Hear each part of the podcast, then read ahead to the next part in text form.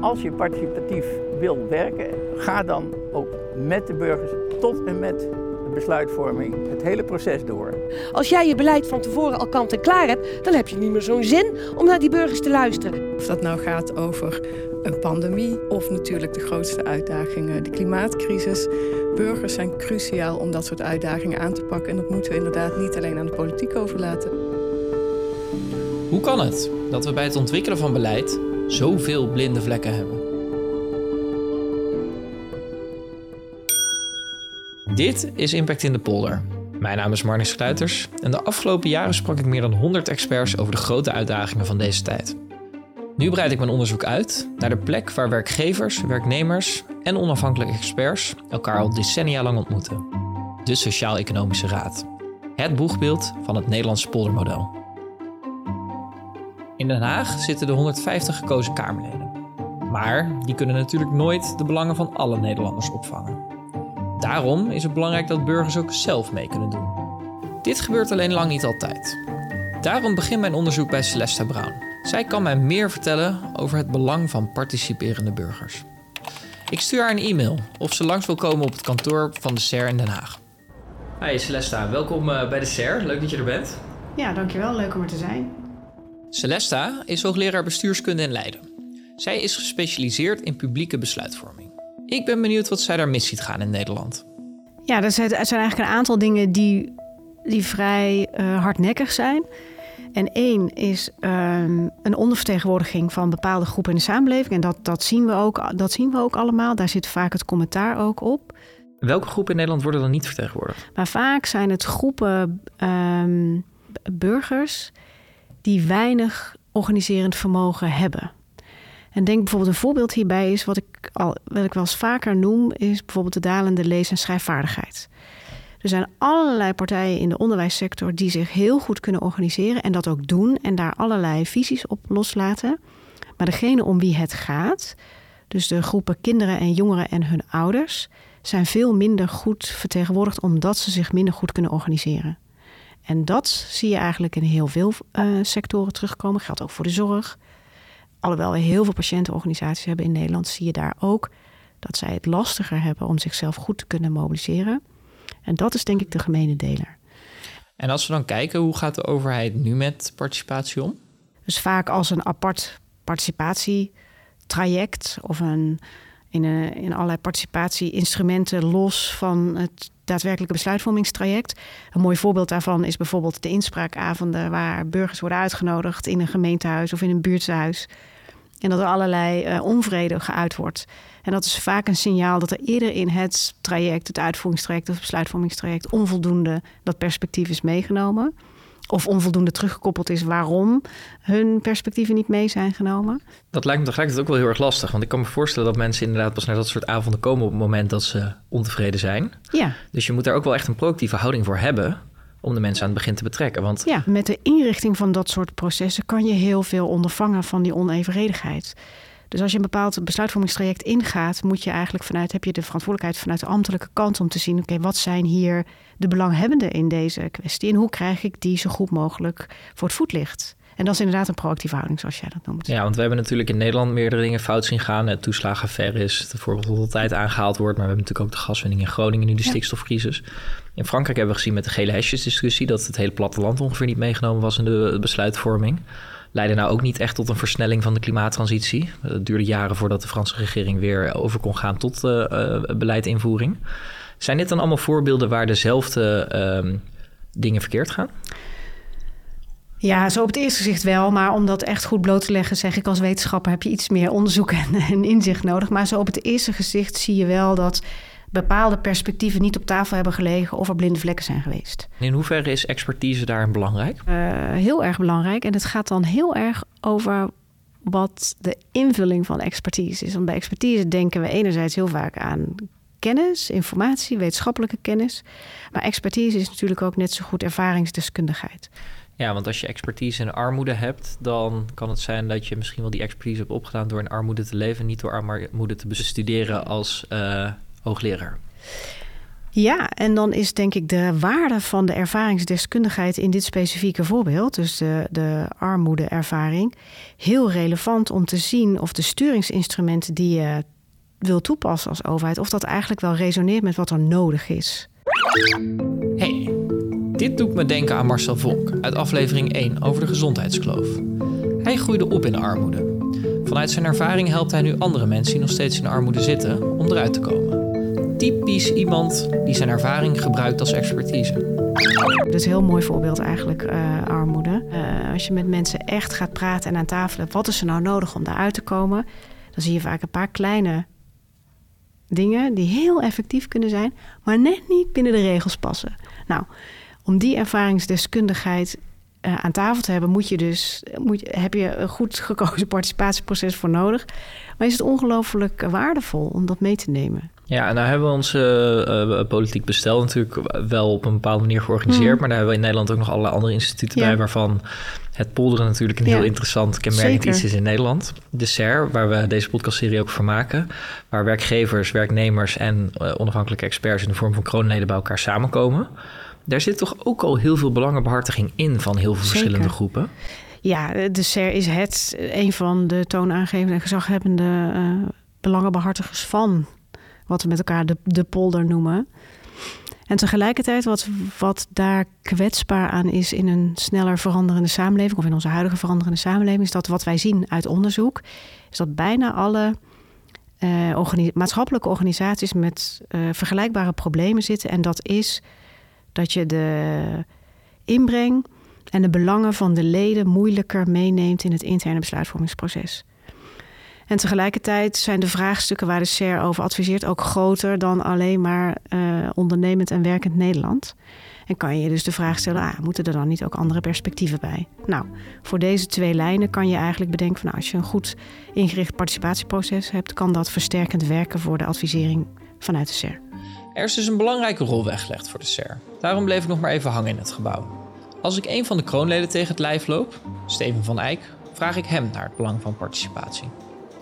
Als je met draagvlak en uh, op een impactvolle wijze met wet en regelgeving wil komen, dan moet je zeker weten dat je het doel raakt. En als je dan niet bij de betrokkenen hebt gepeld hoe dat overkomt en hoe men bijvoorbeeld, als je dat wenst, gedrag gaat aanpassen of hoe men reageert, dan mis je de boot. Dus dan kan je met de beste intenties vanuit de tekentafel komen met voorstellen. Maar als dat niet gedragen wordt, omdat daar een achterban is die um, daarvan ook zegt: ja, dit is wat wij willen, uh, dan sla je de plank mis. Dus wat we hier bij de CER natuurlijk doen, hè, dat is het ultieme polderen. Hè, als wij eruit komen en we komen met een gevraagd of een ongevraagd advies, dan wordt dat per definitie gedragen door de uh, sociale partners. En dat zijn de werkgevers en de werknemersorganisaties. En de kroonleden. Kroonleden komen daar met hun expertise en die zijn ook vaak voorzitter van de commissies, zodat ze het proces begeleiden. Maar één ding staat vast, dat als wij met een advies komen, dan is dat in ieder geval gedragen door die sociale partners. Nou, daarbij kan je je voorstellen dat dat uitermate uh, interessant is voor de politiek, omdat men dan weet dat zo'n Tweede Kamer er ook naar kijkt en denkt, ja, wat zouden wij hier nog tegen in kunnen brengen als de werkgevers en de werknemers, wat natuurlijk een enorme vertegenwoordiging is, als die er al uit zijn. Overigens in de afgelopen periode hebben we gemeend om dat gezelschap te mogen uitbreiden met de ZZP'ers, waar we er inmiddels ook al heel erg veel van in Nederland hebben. Dus die hebben ook een zetel bij ons. En uh, dat is ook de verdienste van de vorige voorzitter. We zijn begonnen met het CR Jongerenplatform. En dat is ook een gremium waardoor je opeens uh, veel meer impact hebt, ook bij jongeren, maar ook veel meer de signalen van de jongeren kan vertalen in je eigen adviezen. Ja, en is dit dan ook een vorm van burgerparticipatie zoals de CER functioneert? Kijk, het, onderwerp burgerparticipatie houdt ons al een tijdje bezig. Zelfs bij, uh, op het moment dat wij naar een nieuwe voorzitter aan het zoeken waren, is met de minister daarover afgesproken dat het onderwerp burgerparticipatie door de SER uh, op de een of andere manier zou worden opgepakt. Dan moet je wel oppassen dat je niet door een hele grote groep in de samenleving erbij te gaan betrekken, het onderwerp laat verwateren. Het moet wel een krachtig advies zijn, want anders dan krijg je een half wat advies waarvan iedereen zegt, ja dat is een open deur, daar kan je eigenlijk weinig mee. En vergeet niet, we hebben in Nederland het stelsel van de parlement parlementaire democratie. Dat betekent dat als het goed is, is het parlement door de kiezers gekozen. Dat parlement is zelf tot een coalitievorming gekomen. En dat betekent dat dus een kabinet gedragen wordt door een meerderheid in de Tweede Kamer. Dat is dus de dynamiek van de parlementaire democratie. Nou, daarnaast heb je de dynamiek van de SER, ook als polderaar, die zegt ja, wij vertegenwoordigen met name ondernemend Nederland, zowel aan de werkgevers als werknemerskant, inclusief de ZZP'ers. En ja, om daar dan weer een hele grote club bij te betrekken bij uh, burgerparticipatie, daar moet je alert op zijn dat dat niet het advies laat verwateren. Nou noemde jij al het jongerenplatform wat is opgericht. Um, we weten dat jongeren ook niet altijd even goed vertegenwoordigd zijn in de politieke besluitvorming. Is dat precies een van de doelen van het jongerenplatform? Ja, het jongerenplatform is echt iets om gigantisch trots op te zijn. Dat was de vorige voorzitter, dat is deze voorzitter ook. En ik ben dat ook. Ik ben dan de 30-plusser, zoals ze dat heel liefkozend noemen binnen de club. Die een beetje ook de link legt tussen de senioren SER en het jongerenplatform. Zij zijn in staat om op een ongelooflijk adequate wijze problematiek bloot te leggen waar specifiek jongeren tegenaan lopen. Vervolgens weten ze zich zo te organiseren dat ze in combinatie met de achterban tot hele gedegen en goede adviezen komen. In het begin hebben we nog wel gezien dat het een beetje ook als window dressing werd gezien door andere partijen die zeggen, nou ja, kom maar langs voor de foto en dergelijke. En toen heeft men gezegd van ja, weet je, het draait ons wel om de impact die we hebben op wet en regelgeving. Daardoor is men nog eens gaan denken, kunnen we ook nog andere groepen van jongeren raadplegen dan die lid zijn en aangesloten bij ons. Dat is bijvoorbeeld in het afgelopen advies gebeurd. En dat leidt er nu toe dat de impact van die adviezen erg aan het toenemen is. En ook overigens de wijze waarop ze daarover communiceren. Als je dat overigens echt wil weten, dan zou je even met de voorzitter. En het is ook een heel leuk gesprek met Kimberly moeten gaan praten. Hallo met Kimberly. Hi Kimberly, met Marnix Kluiters. Ik wilde jou even spreken over... Kimberly Snijders is de voorzitter van de NJR, de Nationale Jeugdraad. Zij komen op voor de belangen van jonge mensen. Maar ook echt alle jonge mensen? Uh, ja, ik vind van wel. Ik, uh, wij zijn een vereniging, dus we hebben heel veel geluiden vanuit jongerenorganisaties die ook in nauw contact staan met jongeren, vanuit verschillende doelgroepen. Uh, maar voor jongste projecten bereiken we ook een hele diverse groep jongeren die misschien niet zo snel lid zou worden van een vereniging. Dus op die manier ontvangen we ook weer geluiden vanuit die hoek van de maatschappij. Als voorzitter van de NJR ben je ook de voorzitter van het SER Jongerenplatform. En wat is het SER Jongerenplatform precies? Uh, het CER Jongerenplatform bestaat uit verschillende jongerenorganisaties, werkgeversorganisaties, werknemersorganisaties, studentenorganisaties, scholierenorganisaties. Uh, de Jong Klimaatbeweging is ook uh, onderdeel van het Jongerenplatform en NJR. En allemaal op onze eigen manier komen we op voor de belangen van jongeren. en praten we eigenlijk als enige in de polder mee, de enige plek waar jongeren meepraten in de polder, over belangrijke besluiten die hun aangaan. We maken elke twee jaar een verkenning naar de positie van jongeren Nederland. En we maken ook wel uh, verkenningen over onderwerpen die wij belangrijk vinden, zoals het studieleenstelsel of uh, nu aankomend de financiële positie van jongeren.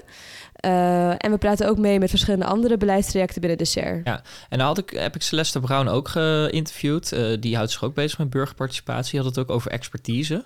En daar zit er binnen de SER natuurlijk ontzettend veel expertise. Maar zij had het ook over de expertise die niet per se deskundigheid is, maar ervaringsdeskundigheid.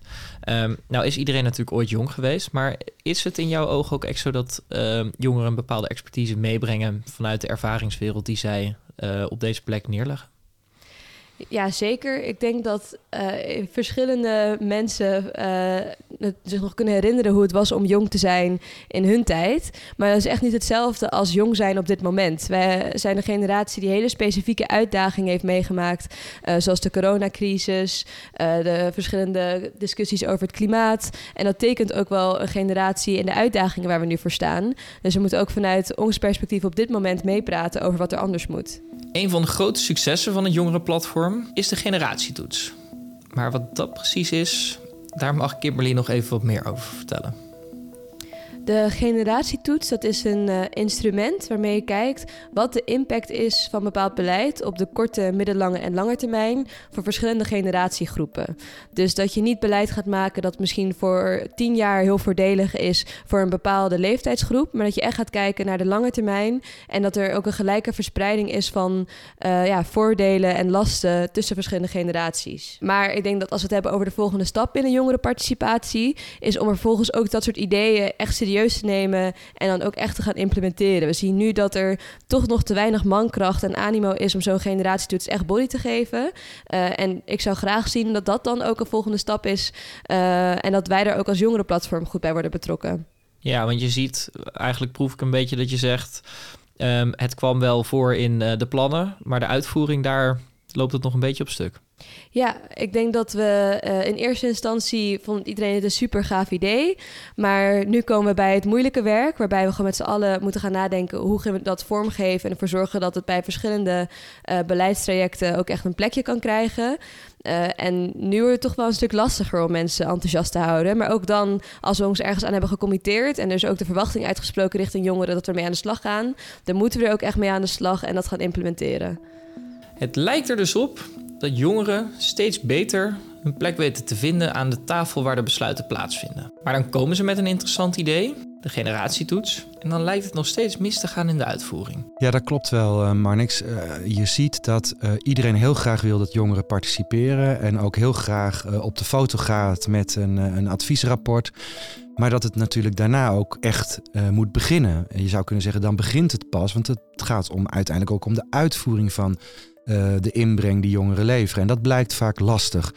Uh, nou is het ook best lastig om in de toekomst te denken. Hè? Dus zo'n generatietoets is helemaal niet simpel. Maar het kabinet heeft zich wel gecommitteerd om dat vorm te gaan geven. En dat blijft gewoon nog achter. Nou, wij willen eigenlijk zelf ook gewoon weg zo'n generatietoets op ons eigen werk als SER gaan doen om het kabinet een beetje te helpen. Dus we laten het niet los, we willen ermee verder. En bovendien denk ik dat je uh, veel scherper moet zijn uh, hoe je met de inbreng van, in dit geval jongeren, maar dat geldt ook als we mantelzorgers vragen of ZZP'ers, hoe je met die inbreng omgaat. Dus bij de SER uh, zijn wij op dit moment bezig om, uh, ja, we noemen dat even de menukaart participatie, om alle vormen die we daar al voor gebruikten, maar ook nieuwe participatievormen uh, om die op een rij te zetten en steeds aan te geven bij welk onderwerp past nou een dialoogtafel of juist een burgerberaad of een stakeholderforum. Dat zijn allemaal verschillende vormen. En wat doe je dan om ervoor te zorgen dat iedereen met gelijke verwachtingen om de tafel zit? Dus dat het niet alleen luisteren is, maar dat je ook weet wat er daarna met die inbreng gedaan wordt. En dat moet veel beter dan tot op heden gebeurt. En dat uh, hebben de jongeren van het Ser Jongerenplatform uh, ook ervaren. Ja, en het is toch interessant, hè? want dan gaan we blinde vlekken, hebben we gehoord eerder in deze aflevering, nieuwe perspectieven meenemen in de besluitvorming. Um, een woord wat ik daarin veel hoorde, of in ieder geval ook terugkwam, was het woord de maatschappelijke democratie naast de representatieve democratie. Um, Kim Putters, jij als voorzitter van de SER, zou je misschien ons nog eens even mee kunnen nemen, wat is die maatschappelijke democratie? Ja, ja, ik ben daar altijd heel erg door geïnspireerd uh, door de, de dingen die Herman Tjenk Willink daarover geschreven en gezegd heeft. En hij zegt altijd, we hebben in ons land een politieke democratie, een maatschappelijke democratie. En de derde pijler is de onafhankelijke media, de omroepen, de kranten, die een controlerende functie hebben naar die, zowel de politieke als maatschappelijke democratie. Uh, omdat burgers ook geïnformeerd moeten worden. Nou, als je dan kijkt naar de uh, politieke democratie, ja, dan worstelt die enorm met vertrouwen, met representativiteit, met echt de toekomstagenda neerzetten. Datzelfde geldt ook wel voor de maatschappelijke democratie, maar die bestaat eigenlijk van oudsher uit uh, nou, stichtingen, verenigingen, uh, niet van de markt, niet van de overheid, maar ertussenin. Dus eigenlijk groepen mensen, of dat nou bedrijven zijn geweest of werknemers die in vakbonden gingen samenwerken. Uh, mensen die hun belang zijn gaan bundelen en op die manier zowel naar bedrijven als naar de politiek uh, hun belang zijn gaan behartigen en invloed zijn gaan uitoefenen. En uiteindelijk is dat in 1950 uh, ook in de SER samengekomen door hun vertegenwoordigers een plek in onze democratie te geven, de maatschappelijke democratie. En de SER-raadsvergadering is daar een uiting van. Maar het zijn uiteindelijk groepen burgers die hun belang gebundeld hebben. En waarom is dat zo belangrijk om al die geluiden toch ook op te vangen? Um, wij behandelen in de Sociaal-Economische Raad uh, vraagstukken die ja, eigenlijk iedereen aangaan. Dus als wij over de hervormingen op de arbeidsmarkt spreken, en dat gaat bijvoorbeeld over de vraag of jij uh, contract en inkomenszekerheid kunt vinden. Dus gewoonweg uh, een, een wat vastere baan of wat meer zekerheid over het aantal uren dat je kunt werken, zodat je uh, aan het bestaansminimum kunt komen. Ja, als wij het daarover hebben, doen we dat niet alleen voor de leden van de vakbonden. Dan doen we dat ook voor iedereen in Nederland um, die niet bij een vakbond is aangesloten. Dus wij, wij zijn continu bezig om het algemeen belang op tafel te leggen. Ja, want waarom is het zo belangrijk dat juist nu de SER die bredere thema's oppakt? Heeft dat dan ook te maken met de tijdgeest waar we mee te maken hebben? Ja, kijk, ehm, eh, eh, op dit moment zijn we gewoonweg onze samenleving en economie opnieuw aan het inrichten. En het is aan ons uh, hoe snel ehm, en hoe zorgvuldig dat zal gaan. En ehm, ik geloof echt dat de economie in 2030, 2040 er totaal anders uit zal gaan zien. Uh, alleen al door artificial intelligence, de technologische ontwikkelingen die doorgaan, maar ook de handelsbetrekkingen van Nederland uh, binnen en buiten de Europese Unie zullen zich gaan concentreren, deels op nieuwe uitdagingen, nieuwe kansen. Nou, dat zet zich de komende jaren in een pijlsnel tempo. En wij zullen dus erbij moeten zijn om na te denken over waar verdienen wij straks ons geld mee? Wat is dan goed werk? Hoe zorgen we er dan voor dat als mensen ziek worden of arbeidsongeschikt, dat iedereen bescherming verdient in een land waarin we de brede welvaart voor iedereen uh, willen hebben en dus netjes willen verdelen? Ja, dat gaat de komende jaren gebeuren. Dus dit tijdsgevricht is er een van verandering en van maatschappelijke uh, inrichting. Ja, maar als we ieders perspectief mee willen laten wegen, wordt de besluitvorming daarmee niet veel te complex en daarmee ook traag? Nou, dat denk ik eigenlijk niet. Want het punt is dat je, als je aan de voorkant, dat is ook zo'n beleidsterm, als je aan de voorkant uh, van uh, adviezen uh, mensen meeneemt, dan kan het soms wat langer duren. maar als je dat zorgvuldig doet, dan is het ook heel duidelijk waar je draagvlak voor krijgt. En dan kun je die, die adviezen, in dit geval moet dan een kabinet en de Tweede Kamer, die moeten natuurlijk die adviezen overnemen, die aanbevelingen overnemen. Die kunnen zich ook verzekerd weten van draagvlak in de samenleving en van de uitvoering ervan. Want eh, weet je, er is, er is in Nederland niet zozeer een gebrek aan ideeën, maar we hebben wel een groot probleem met executiekracht. Dus met uitvoeringskracht, met het te doen. En hoe krijgen we dan weer een goed werkende maatschappelijke democratie?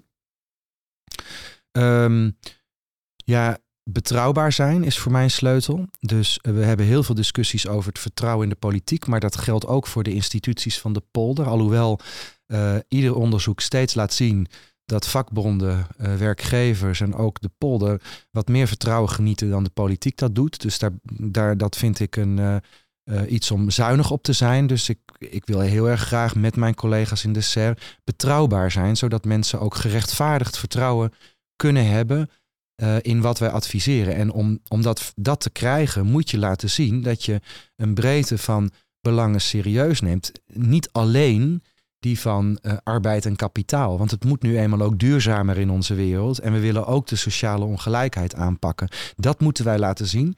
Als we daar betrouwbaar in zijn, dan denk ik dat we ook het vertrouwen kunnen versterken van mensen in onze instituties. Dus de sleutel zou voor mij zijn betrouwbaarheid um, uh, van de maatschappelijke democratie. Uh, zodat mensen ook merkbaar zien en voelen dat het in hun belang is wat wij hier doen. En daarmee kan de SER volgens mij een betrouwbare partner zijn die naast de politiek heel goed kan functioneren. Ja, omdat ik, uh, uh, dat zeg ik tegen al mijn collega's in de SER. Uh, uiteindelijk zetten wij een handtekening onder een advies. En die handtekening die is iets waard. neem de arbeidsmarkthervormingen of neem ook de pensioenhervormingen die we, waar de SER beide een belangrijke rol bij heeft gespeeld. natuurlijk zijn er altijd risico's aan een grote systeemverandering van de arbeidsmarkt of van de pensioenen. Natuurlijk moet je oog houden voor die groepen uh, die daar misschien door in de knel zouden kunnen gaan komen. Maar onze handtekening betekent dat wij ook op dat moment er zullen zijn. En dat we ook op dat moment de hand zullen reiken naar het Binnenhof en met elkaar weer zoeken naar een oplossing. Maar we kunnen niet gaan stilstaan. Stilstand is achteruitgang. En de politiek, ja, die is zo gefragmenteerd dat het best lastig is om stappen naar die toekomst te zetten waar je breed draagvlak voor hebt. En dat lukt ons dus soms in de polder wel. En dan moet je ook durven, durven die stap vooruit te zetten. En dat is precies wat we doen. Maar die handtekening betekent ook dat we er ook bij de uitvoering nog steeds willen zijn om problemen op te lossen. In deze aflevering werd des te meer duidelijk dat er blinde vlekken zijn bij het ontwikkelen van beleid. Met name de perspectieven van mensen die zich niet goed weten te organiseren, komen onvoldoende aan bod. Misschien is daarom het Nederlands poldermodel, en daarmee het werk van de SER, wel belangrijker dan ooit. Wanneer meer mensen betrokken worden in het polderen, zal een groter deel van de maatschappij zich herkennen in de uitkomsten. Dat is de kracht van de polder. Bedankt voor het luisteren naar Impact in de Polder. Lisanne van het Riet was verantwoordelijk voor de redactie vanuit de Sociaal-Economische Raad. Max Boogaard van On The Record Media deed de productie. En ikzelf, Marnix Sluiters, maker van de Ecosofie-podcast, deed het onderzoek en de presentatie. Wil je meer afleveringen luisteren van Impact in de Polder? Vergeet je dan niet te abonneren in jouw podcast-app. Tot de volgende keer.